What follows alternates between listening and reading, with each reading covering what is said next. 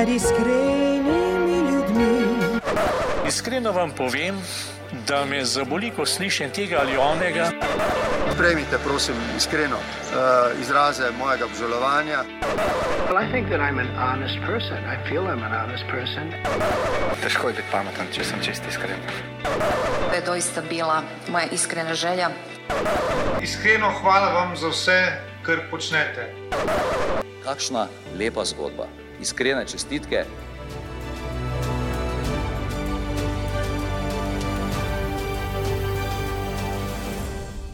Spoštovane poslušalke, spoštovani poslušalci, prisrčno dobrodošli v novi oddaji najbolj iskrenega podcasta, podcasta, v katerem ne ustvarjamo mnen, ampak skušamo spremeniti kakšno srce.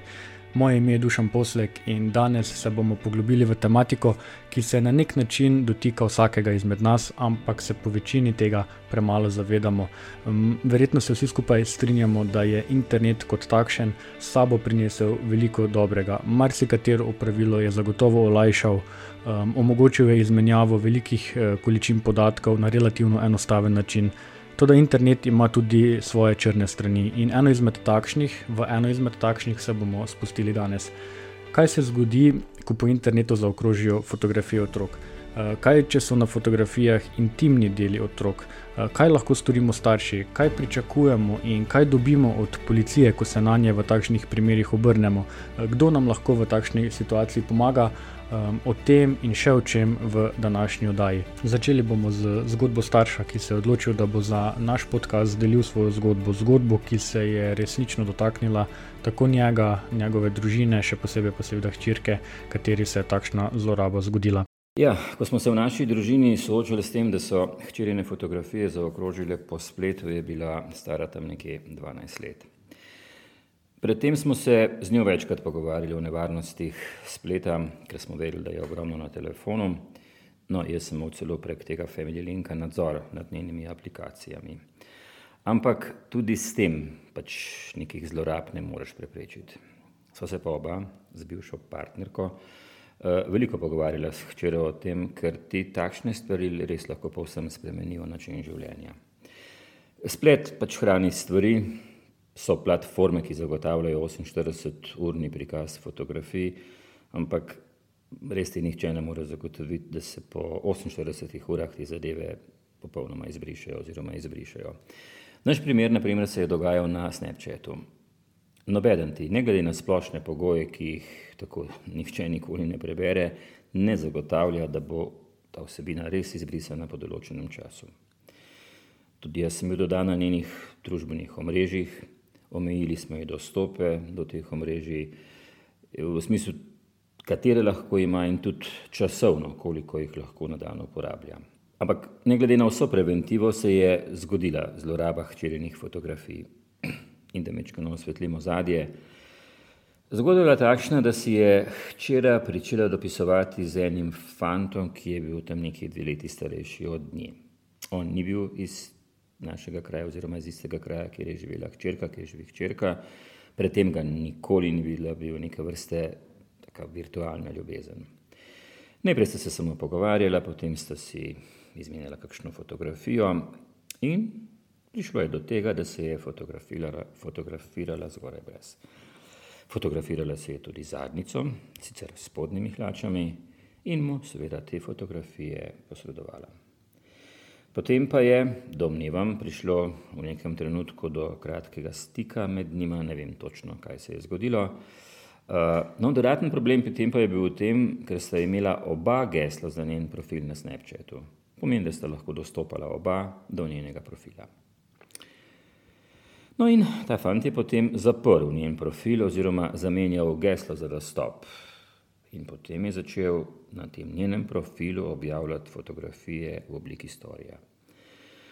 Torej, ta sporna fotografija se je 24 ur vrtela na storijih in potem so vsi to videli, pač ker so javni. Ampak potem je pa na 12 ur dodajal vedno, vedno nove fotografije ter jih opremljal z vulgarnimi, seksističnimi zapisi.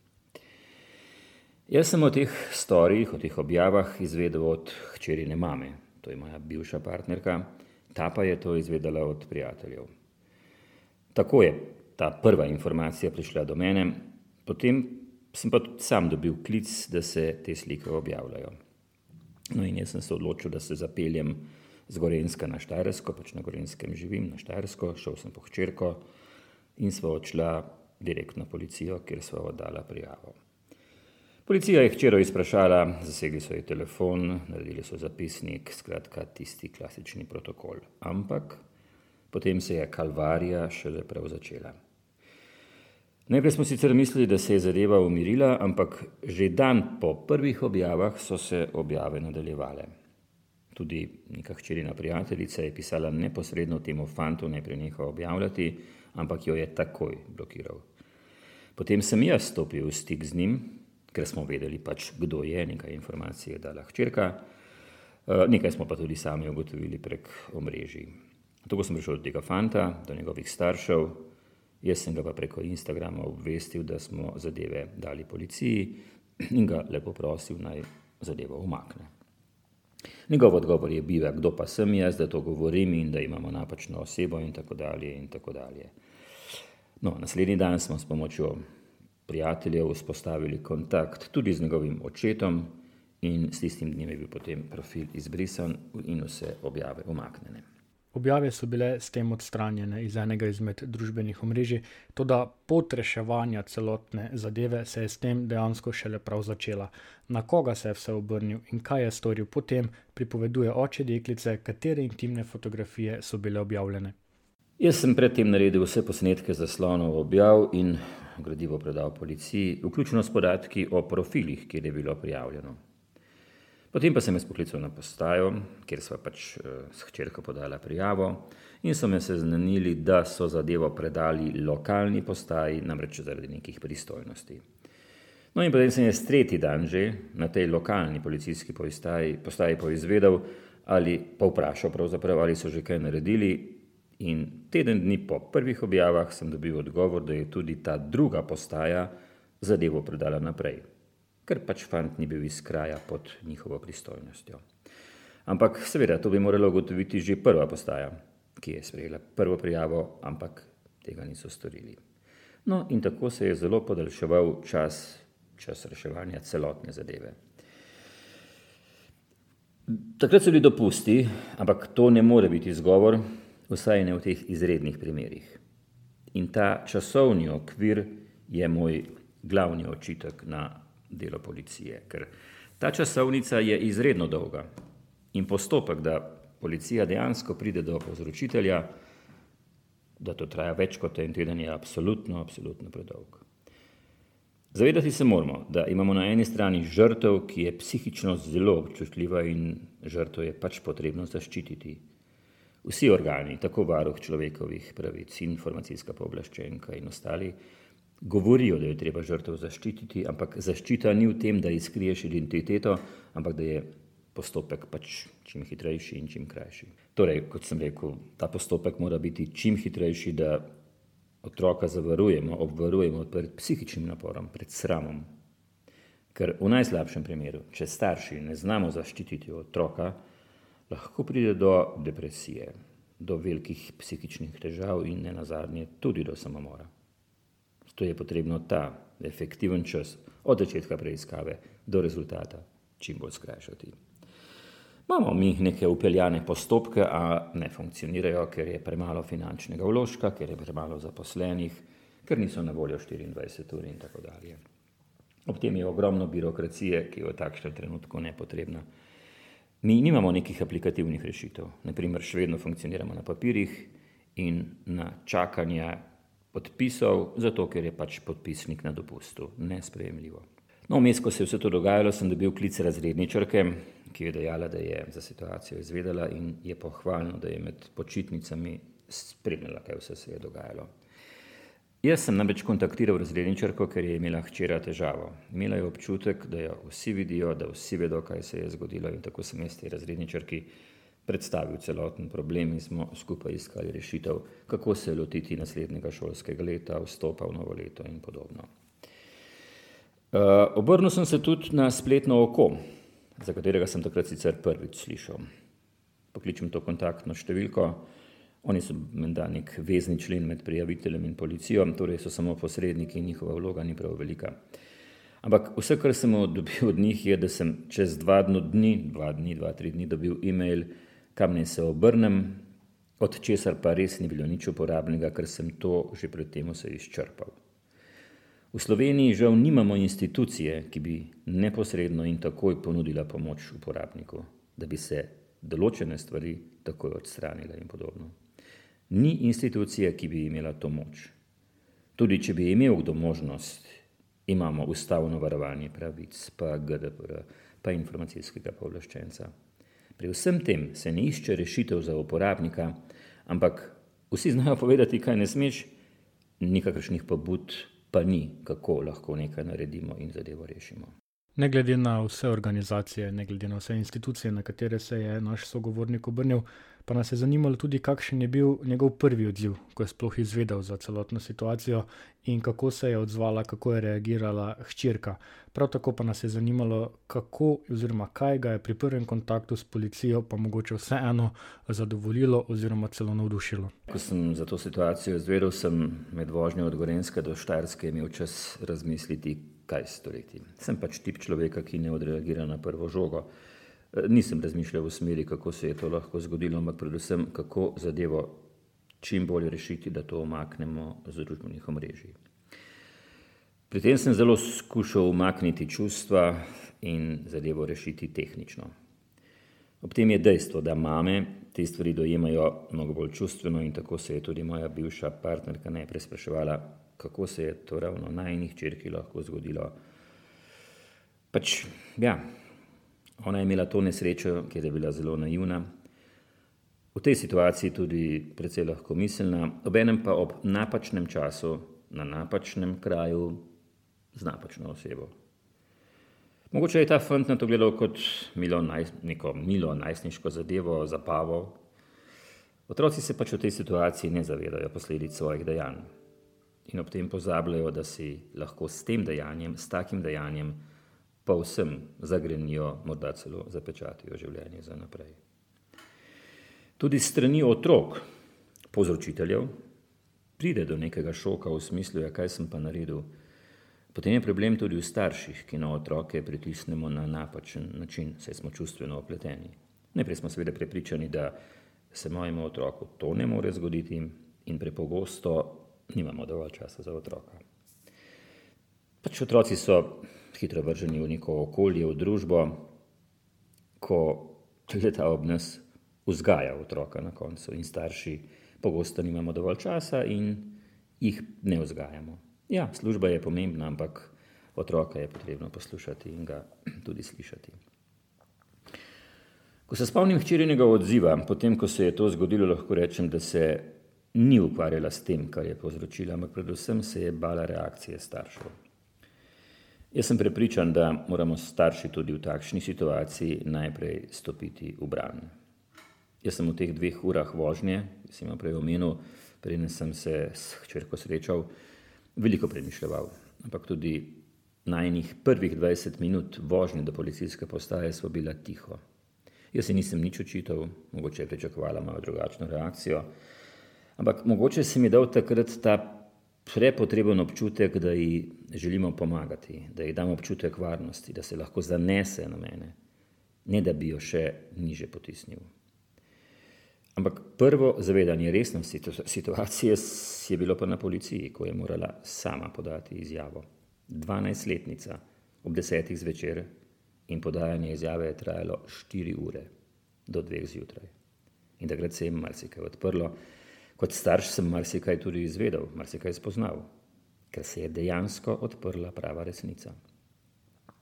In pri tem bi rad povdaril to, da se mi zdi ključno, kdo vodi postopek na policiji. Mi dva smo imela srečo, ker je bila takrat policistka na delovnem mestu, ker je imela drugačen čut. In to je smisel policijskega dela, da ta postopek vodi ženska ali pa bom rekel drugače, nekdo, ki je drugače čuteč. Moški smo v največji meri bolj neposredni. In menim, da bi morali imeti policijske postaje 24 ur na dan na voljo policista, psihologa.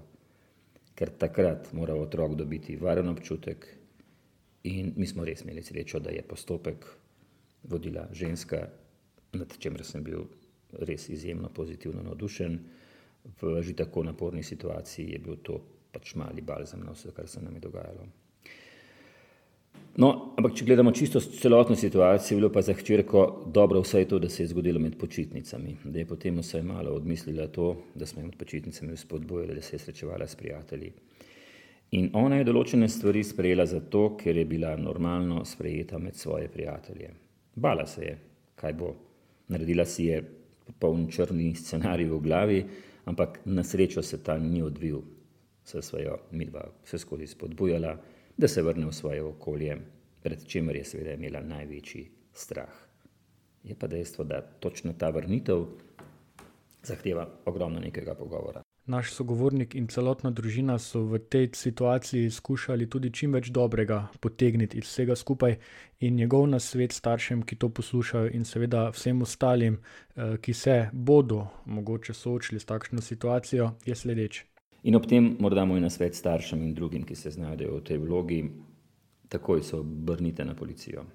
Uradno prijavo je potrebno podati, želim si, da bi se starši zavedali, da lahko gredo do konca. Na vse institucije se lahko obrnejo in prosijo za pomoč.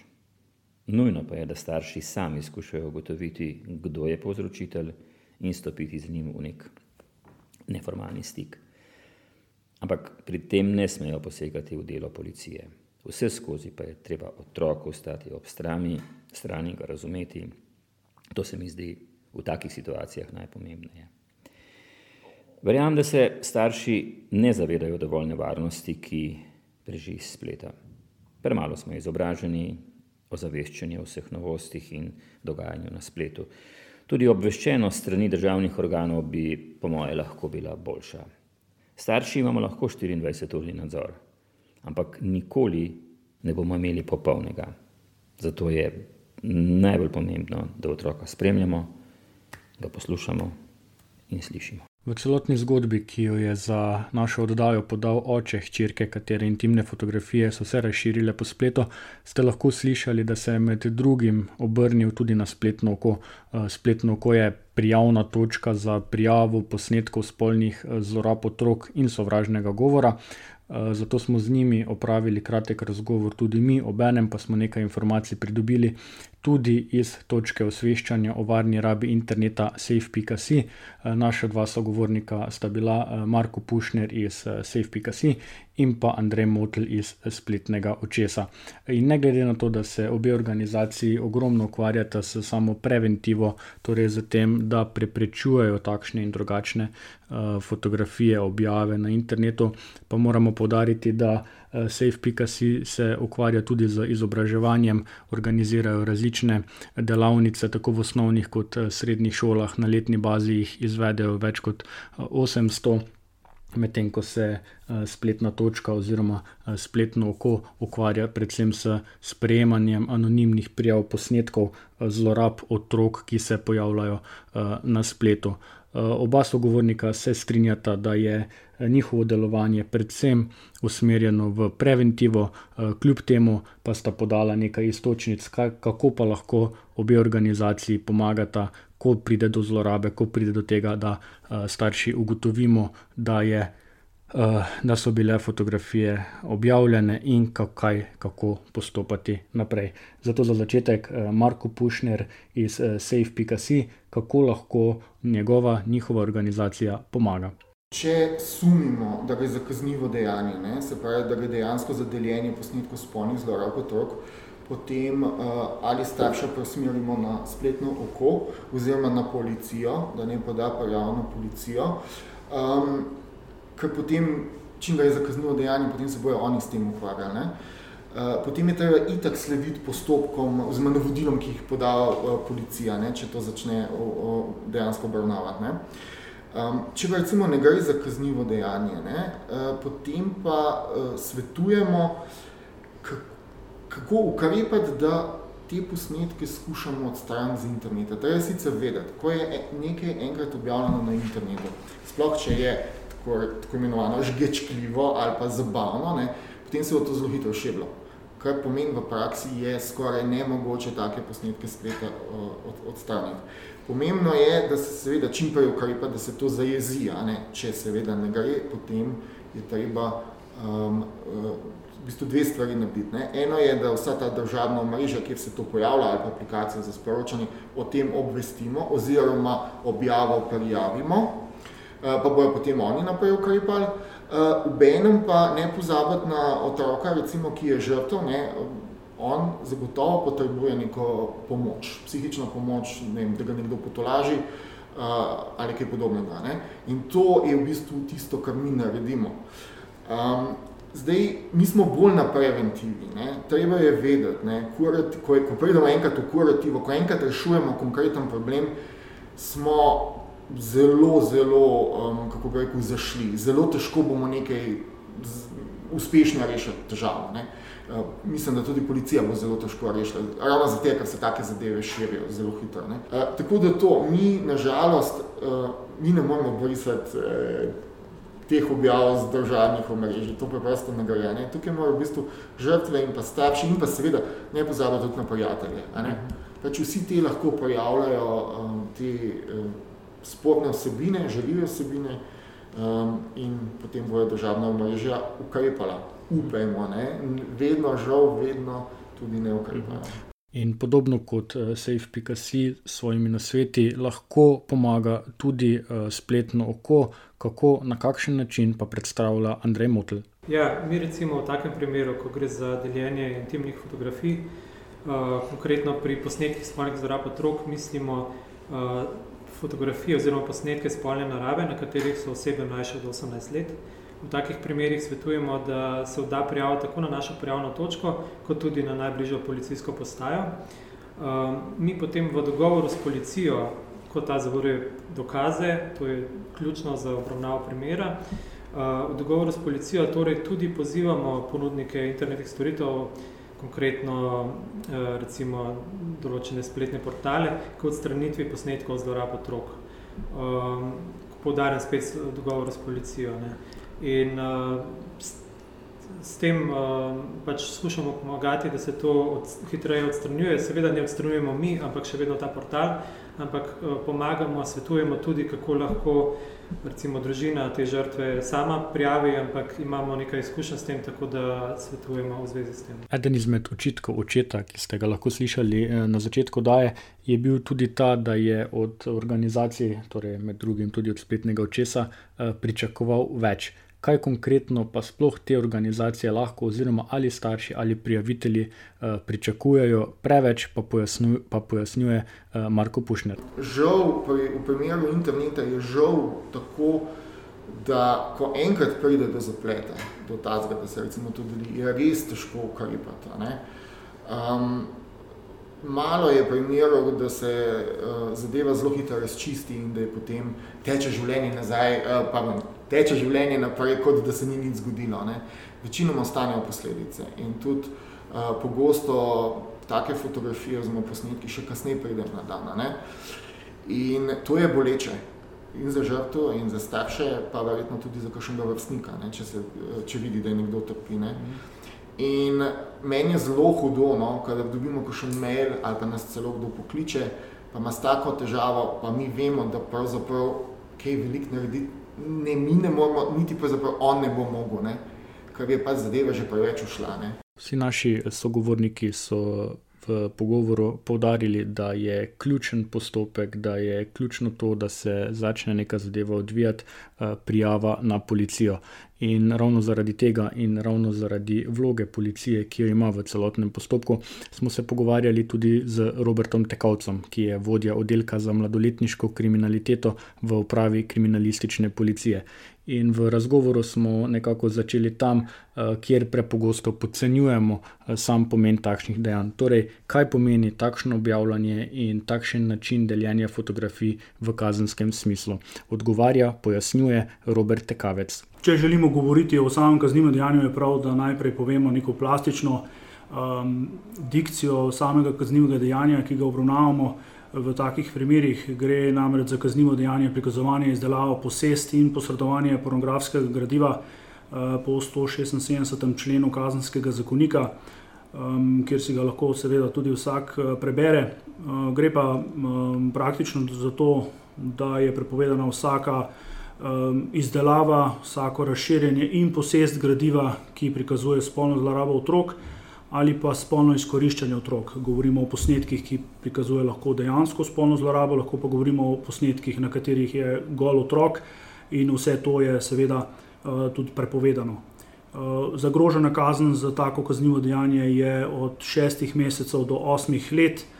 Um, lahko pa povem tudi nekaj um, najbolj pogostih primerov, ki se navzujejo na kaznivo dejanje in sicer Eh, nekatera kazniva dejanja se navzujejo na dva mladostnika, ki se jim med seboj eh, pošiljata fotografije, sta mogoče v prvi fazi zaljubljena, potem pa bodi si iz različnih razlogov osebne uveljavitve, maščevanja, ker sta se sprla ali pa ker se je pač nekdo želel samo pohvaliti, da ima tako fotografijo, se to razširi na različne um, druge naprave preko mreži, na različne naslove.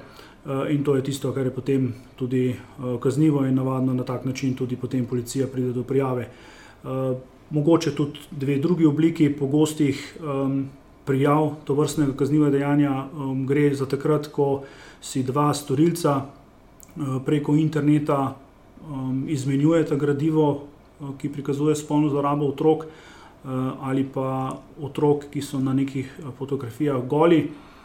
Um, Gre pa za to, da je to huda oblika izkoriščanja otrok, ravno zato, ker je na teh fotografijah dejanski otrok nekje zlorabljen v fizičnem okolju. E, pogosto se zgodi, da ti storilci zlorabljajo tudi svoje otroke z namenom, da proizvejo tako gradivo, e, ga potem e, preko interneta razširijo ali si pa izmenjujejo z nekom drugim in seveda na ta način od drugih prejmejo podobno gradivo.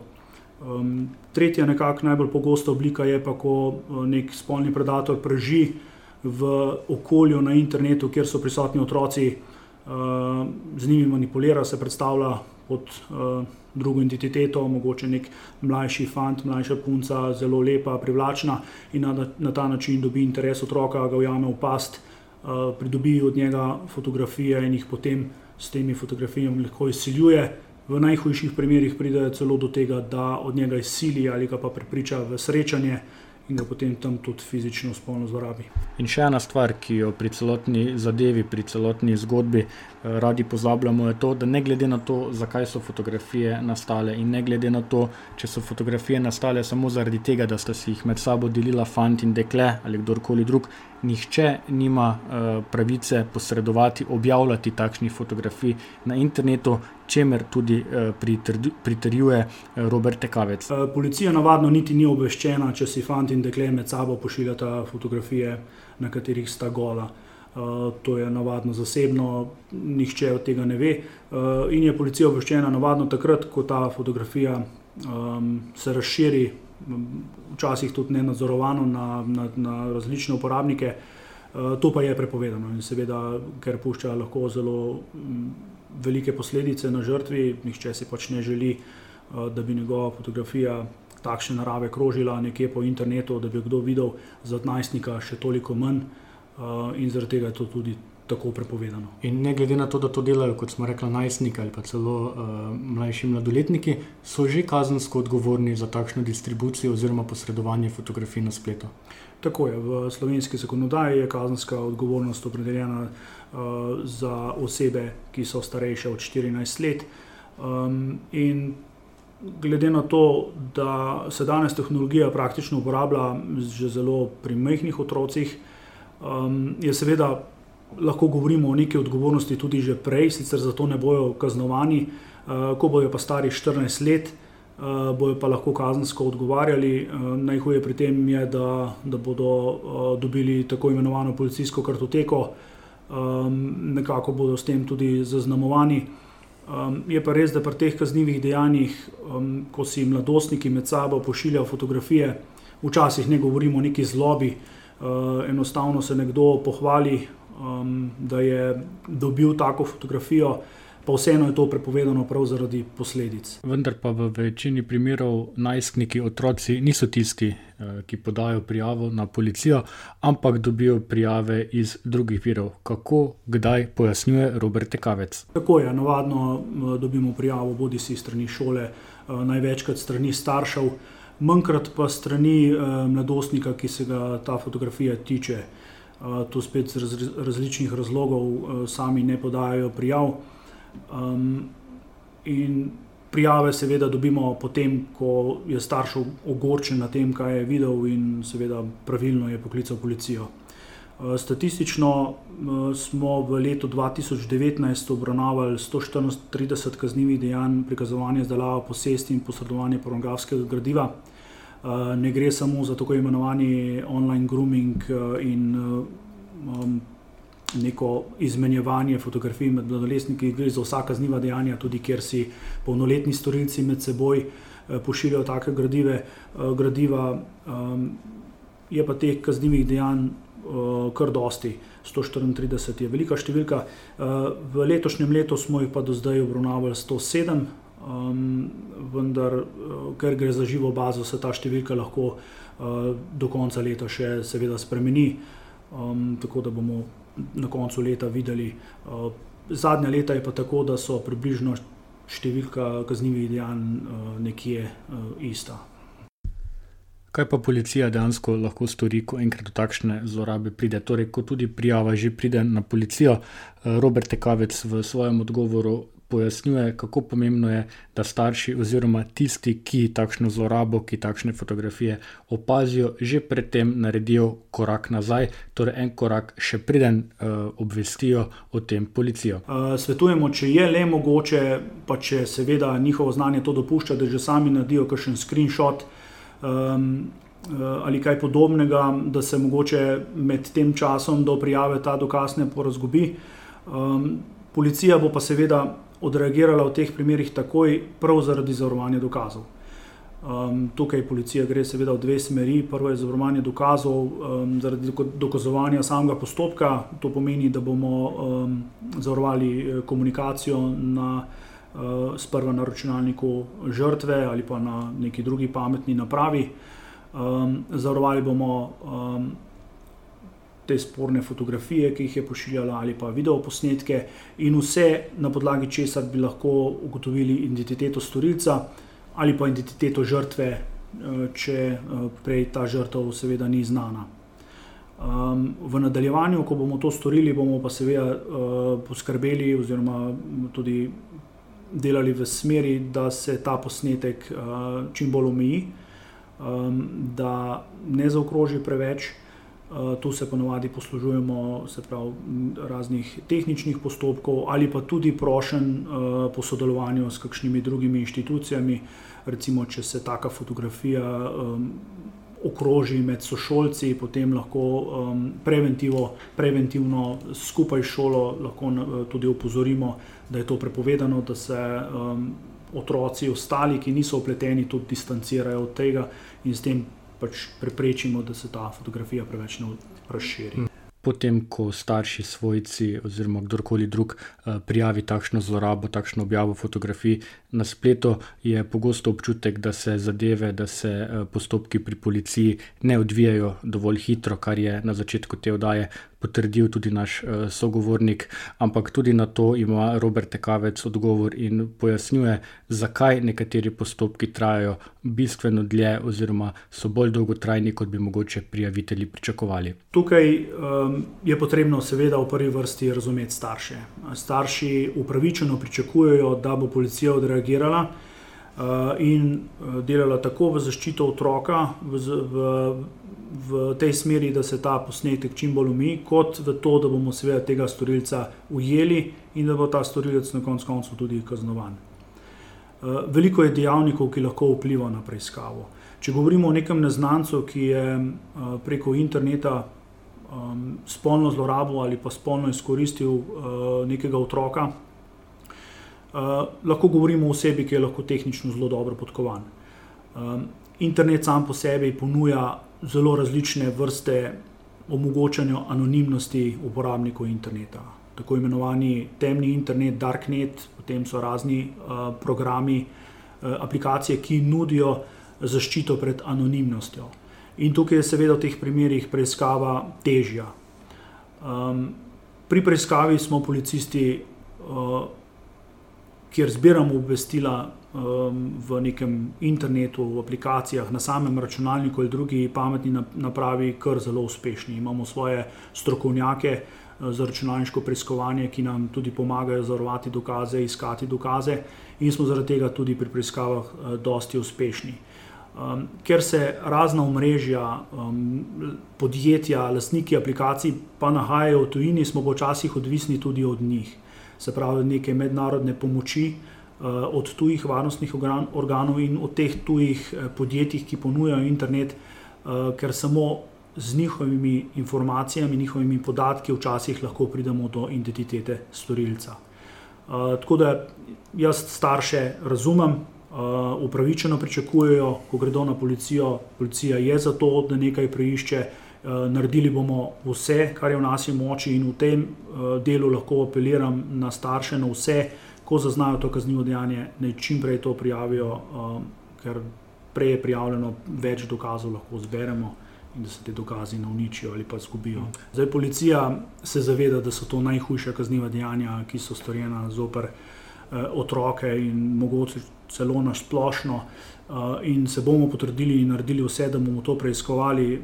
Um, včasih se zgodi, da je na drugi strani nek neznanec, ki je strokovno, računalniško zelo izobražen. Um, če bo naredil vse za to, da bo zakril svojo identiteto, ga je res zelo, zelo, zelo težko odkriti. Uh, tukaj se iščejo potem razni drobci, um, preko katerih lahko ugotovimo identiteto. Uh, včasih je enostavno predober uh, v svojem početju, je pa res, da je takih malo. In ne glede na to, da imamo, da ima javnost pogosto občutek, da policija ne naredi dovolj, da bi lahko delala hitreje in podobno, pa je policija relativno uspešna pri odkrivanju uh, tako storilcev uh, samih objav, uh, nedovoljenih objav na internetu, kot pa tudi pri odstranjevanju samih fotografij. Sicer res zadeve uh, terjajo svoj čas, to da končni izkupiček je za policijo vseeno dober, pojasnjuje Robert Tekavec. Uh, prej sem omenil, da smo v letu 2019 obravnavali 134 kaznjivih dejanj. Eh, in od teh 134 kaznjivih dejanj je bilo 94 odstotkov preiskanih. Eh, gre za kar visoko številko preiskanosti, eh, tako da moram reči, da smo res uspešni. Dejansko gre za neke digitalne dokaze, ki ostanejo na računalniku in prav zaradi tega, ker imamo notranje strokovnjake, ki se s tem ukvarjajo in tesno sodelujo z preiskovalci um, lahko potem najdemo dovolj dokazov, da zadevo preiščemo. Vse, kar se na internetu objavi, verjetno tam ostane zavedno. Uh, tudi če neko fotografijo zbrišemo, jo navadno zbrišemo samo na videzno, na način, da jo sami ne vidimo, fotografija pa še vedno nekje obstaja. Tudi sami imamo izkušnje uh, kot preiskovalci, da ko določeno tako fotografijo nekako omejimo, um, da več ne kroži, da praktično takrat izgine. Um, se lahko zgodi, da čez leto dni taka fotografija uh, spet zaokroži. Uh, to, to je seveda odgovornost celotne družbe, da pripravimo in vzgojimo in poučimo naše otroke, da bodo, naj bodo previdni, kaj objavljajo na internet, ker praktično vse, kar na internet pride, tudi tam ostane. Uh, zdaj, če govorimo o, o sami odstranitvi, um, je tako. Če je neka fotografija objavljena na um, straneh, ki so v lasti slovenskih podjetij, na slovenskih strežnikih, bomo seveda od njih zahtevali, da to zbrišajo in tudi to zbrišajo. Uh, večina teh um, družbenih omrežij pa se ne nahaja pri nas, to so tuja podjetja, po večini ameriška in nekaj evropskih podjetij. Uh, kjer smo pa pač odvisni od njih. Uh, in ko ugotovimo, da je to temu tako, potem obvestimo tuje varnostne organe in oni potem poskrbijo, da se te vsebine izbrišajo. Uh, moram reči, da velika družbena omrežja naredijo veliko za varnost svojih uporabnikov in recimo podjetje Facebook, tudi Snapchat, TikTok in druga velika podjetja že sami zaznavajo tako vsebino, jo sami tudi odstranjujejo in tudi sami podajo prijavo, če to ugotovijo. Tako da v tej smeri razvoja je varnost tudi za te ponudnike zelo pomembna. Varnost je ne, na, ne nazadnje ena izmed največjih dobrin, tega se tudi ti ponudniki zavedajo in zaradi tega tudi imajo vse te mehanizme, ki preprečujejo, da bi se te fotografije širile. In kaj lahko takole za konec Robert Tekavec, vodja oddelka za mladoletniško kriminaliteto v upravi kriminalistične policije, svetuje tako staršem kot otrokom? Zdaj, če govorimo o tem, ko se kaznivo dejanje enkrat zgodi, seveda bo policija tista, ki bo preiskovala, ampak mislim, da bi mogli, morali narediti več na tem, da se da do kaznivega dejanja niti ne bi prišlo. Če začneva najprej z nasveti staršev. Prvo, kar bi povedal, je, da smo starši nekako gledali otrokom. In včasih je to gledalo napačno. Do mene, kot preiskovalca, se včasih obrne veliko odraslih ljudi, ki prosijo za nasvet, ker se je njim nekaj zgodilo, ker so sami poslali neko ne, neprimerno vsebino in jih nekdo zdaj izsiljuje zaradi te fotografije. To otroci vidijo, se učijo, um, in tem je možnost, da so tudi sami lahko žrtve takega dejanja. Um, pomembno je, da se starši pogovarjajo s svojimi otroki, da jim pravočasno povedo, kakšne nevarnosti so na internetu. Danes vemo, da imajo otroci že zelo zgodaj pametne naprave, ko so stari že 5, 6, 7 let. Uh, problem pa je v tem, ker jih dobijo v svojo last in ker nenadzorovano po njih brskajo. Moj nasvet staršem je, da otrok, če ima pametno napravo, da mu to uporabo nekako umijo, določijo in da mu določijo točne vsebine, ki jih lahko tak otrok gleda. Seveda, ko bo otrok odraščal, ko bo najstnik, se mu bo dovolilo čim več, ampak je pa vseeno potrebno vzpostaviti neko zaupanje, pa še vedno nek nadzor, da se temu otroku ali pa najstniku nekaj ne bo uh, zgodilo na internetu. Najstniki vedo veliko o internetu, verjetno več kot njihovi starši. Ne vedo pa veliko o nevarnosti, kaj se jim lahko zgodi. Uh, statistično pri nas eh, so mladostniki od 13 do 18 let pogosto žrtve kaznjivih dejanj. Zato menim, da kot starš moram imeti vedno neko vlogo pri tem, ga učiti, se pogovarjati z njim, ga včasih tudi nadzorovati, eh, kaj počne um, in vzpostaviti neko zaupanje, da tudi če se bo kaj zgodilo, da mu bo povedal. Um, seveda so tu, tukaj tudi kakšne tehnične um, naprave oziroma programi, ki omogočajo za kakšno drugo varnost. Uh, dejstvo pa je, da tudi če otroku zaupamo, so te storilci na drugi strani manipulatori, predstavljajo se z lažno identiteto in otrok bo žrtev, še predno se bo sam zavedal, uh, da, da je to postal. Po drugi strani pa na svet za otroke. Um, moj nasvet bi bil, ne komunicirajte z neznanci, uh, ne pošiljate fotografij, na katerih ste goli uh, nikomor, ker to, tudi če se na nekom zaprti komunikaciji nekega omrežja pošlje, je to še zmeri uh, nek prostor na internetu, uh, malo bolj zaprtem delu interneta, ampak še vedno tam ostane in še vedno je možnost, da se bo taka fotografija razširila. Uh, naslednji predlog: uh, ne srečujte se z neznanci, s katerimi ste se uh, pogovarjali na, na internetu v živo, in pa seveda čim manj objavljati svojih osebnih podatkov. Prav kraj bivališča, šola, kaj počnete, kakšne težave imate, vse to storilci s pridoma izkoristijo. Eh, potrebno je pa vedeti, da storilci se zadržujejo v omrežjih, ker so prisotni otroci. Storilci, ki spolno zlorabljajo otroke, se med seboj pogovarjajo, eh, se učijo, kako zakrivati identiteto, kako zlorabo izvršiti. Ehm, zaradi tega so tudi v okolju, kjer otroci počnejo eh, pač svoje stvari, se zabavajo. Internet sam po sebi, seveda, ni slab, danes ponuja konkurenčnost, učenje, zabavo in vse to je koristno za naše otroke pomembno pa je, da se o tem pogovarjamo. In jaz mislim, da je za to odgovorna celotna družba, kot mi, policija, kot vi, mediji, ki lahko date sporočilo širši javnosti, kot vzgojno-izobraževalni zavodi, ki učijo, in pa še enkrat podarjam, v prvi vrsti starši, ker starši tiskem bo otroku omogočil in dal uporabo prvo napravo.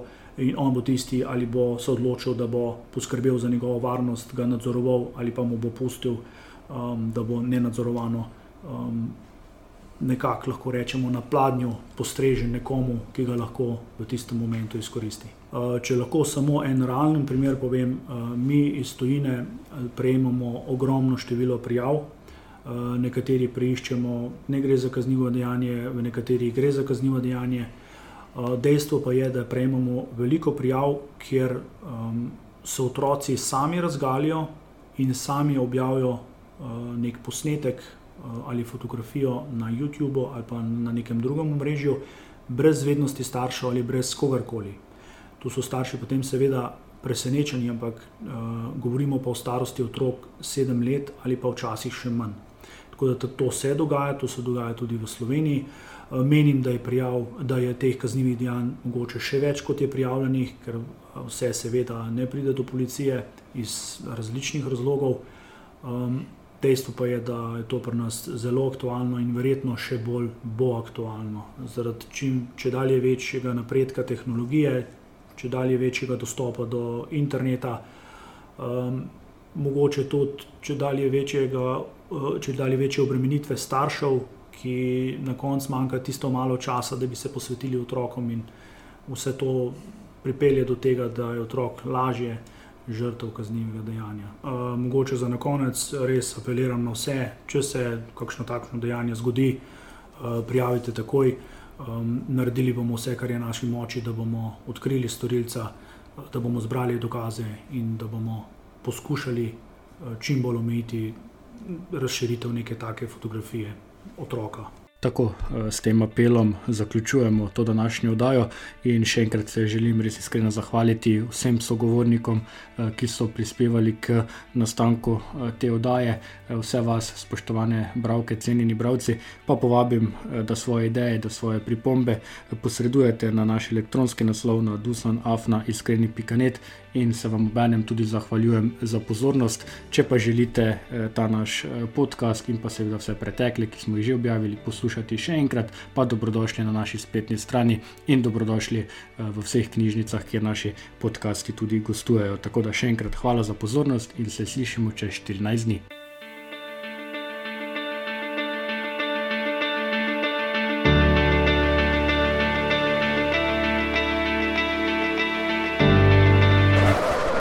Iskrenimi ljudmi. Iskreno vam povem, da me zaboli, ko slišim tega ali onega.